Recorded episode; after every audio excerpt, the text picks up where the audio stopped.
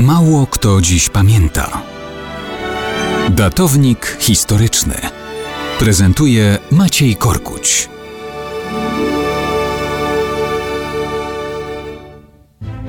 Mało kto dziś pamięta, ile to razy Habsburgowie próbowali zasiąść na tronie Polski. Czasem trzeba było ich zbrojnie odganiać. I właśnie dzisiaj mija okrąglutka rocznica takiego wydarzenia. 24 stycznia 1588 roku doszło do dużej bitwy pod miejscowością Byczyna. Starcie to nieszczególnie dobrze wspominał przez resztę życia pretendent do tronu polskiego arcyksiąże Maksymilian Habsburg. To nie była drobna potyczka. Po obu stronach było tysiące żołnierzy. Trupów także było mnóstwo. Po stronie polskiej dowodził kanclerz i hetman wielki koronny Jan Zamojski.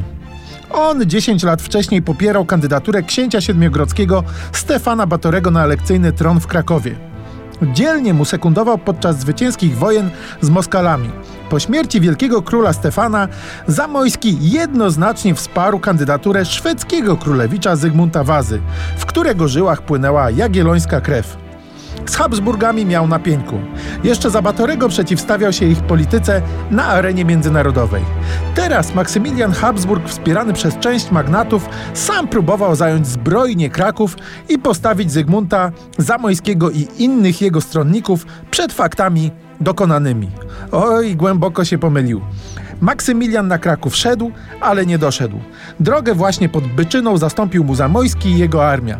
Krótka bitwa szybko zamieniła się w kompromitującą klęskę Maksymiliana. Ten wywiesił białą flagę i musiał oddać się Zamojskiemu w niewolę. Wypuszczony, zrzekł się pokornie jakichkolwiek pretensji do polskiej korony.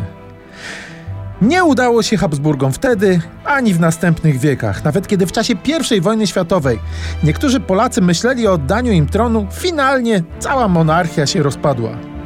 No cóż, widocznie polski tron Habsburgom nie był pisany.